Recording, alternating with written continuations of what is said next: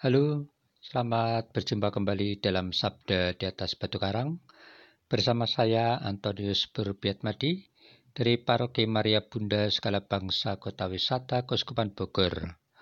Saya sekarang berada di Kota Bogor untuk berlibur Natal dan akhir tahun.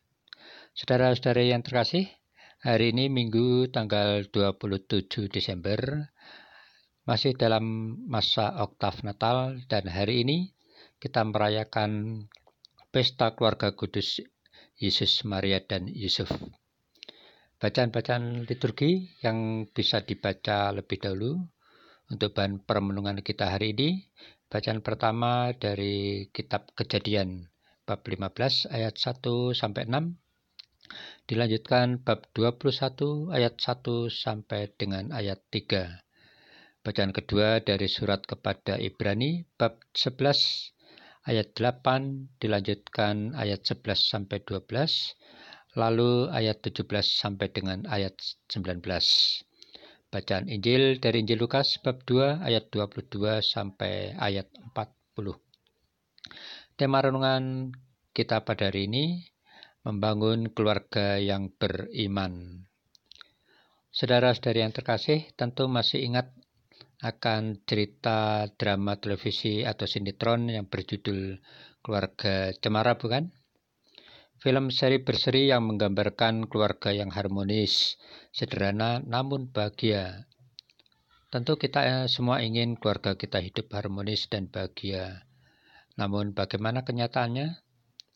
Kita tentu prihatin bila ada keluarga-keluarga Katolik yang mengalami keretakan hidup berkeluarganya jika kita selalu ingat akan kesetiaan janji pernikahan di depan altar, tentu keretakan-keretakan dalam keluarga dapatlah kita hindarkan. Saudara-saudari yang terkasih, hari ini gereja merayakan pesta keluarga kudus Nasaret, keluarga Yesus, Maria, dan Yusuf. Dalam bacaan Injil pada hari ini dikisahkan Maria dan Yusuf yang melakukan kewajiban hukum agamanya yakni mempersembahkan Yesus anak mereka kepada Allah. Maria dan Yusuf menunjukkan ketaatan dan kesalahan hidup mereka dengan menjalankan apa yang diperintahkan oleh hukum Taurat. Saudara-saudari yang terkasih, sebagaimana Maria dan Yusuf dahulu menyerahkan Yesus kepada Allah, demikianlah halnya setiap orang tua atau pasangan suami istri Katolik juga sepantasnya seharusnya menyerahkan anak-anak mereka kepada Allah sesuai dengan janji pernikahan yakni mendidik anak-anak seturut iman Katolik. Maka setelah kelahiran anak, orang tua segera membaptiskan anaknya dan selanjutnya mendidik anak-anak dalam iman Katolik. Misalnya dengan memperkenalkan doa-doa dasar seperti doa Bapa kami, doa Salam Maria, doa kemuliaan, dan sebagainya. Dan tentu seiring dengan pertumbuhan anak-anak, mereka diajak untuk hidup menggereja baik di lingkungan atau di paroki, misalnya menjadi putra-putri altar, ikut dalam kelompok anak misioner, dan lain sebagainya. Namun, bagaimana dengan kenyataannya selama ini? Saudara-saudari yang terkasih, sebagai orang tua yang beriman, tugas dan tanggung jawab dalam mendidik iman anak-anak tidak berhenti.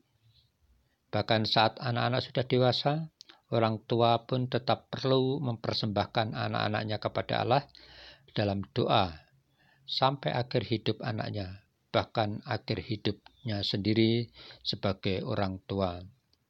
Memang demikianlah panggilan hidup beriman sebagai orang tua Kristiani, bahwa tugas dan tanggung jawab sebagai orang tua terhadap anak tidak hanya terbatas pada pemenuhan kebutuhan yang sifatnya jasmaniah, tetapi juga yang rohani atau iman.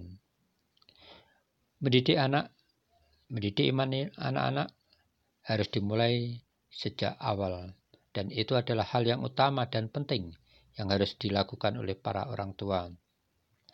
Karena iman adalah dasar sikap ketaatan hidup sebagaimana kita baca atau kita dengarkan dalam bacaan pertama maupun kedua, bahwa karena imannya Abraham menjadi orang yang taat kepada Allah. Berkat imannya, Abraham memperoleh kekuatan, tidak hanya menurunkan anak cucu, tetapi juga kemampuan untuk mendengarkan kehendak Allah. Sikap iman Abraham tersebut menggambarkan sosok orang yang memiliki iman yang sempurna. Oleh karenanya, kita mengenal bahwa Abraham kita sebut juga sebagai bapa orang beriman. Saudara-saudari yang terkasih, belajar dari Abraham maupun Maria dan Yusuf, tentu tidak mudah bagi kita untuk memiliki sikap iman seperti mereka. Mereka adalah contoh pribadi yang hidupnya saleh dan memiliki ketaatan kepada Allah dan hukum agama. Sebagai orang Katolik, sepatutnya kita meniru dan meneladani hidup mereka. Mereka adalah teladan yang baik bagi kita, karena hidup mereka selaras menurut kehendak Allah.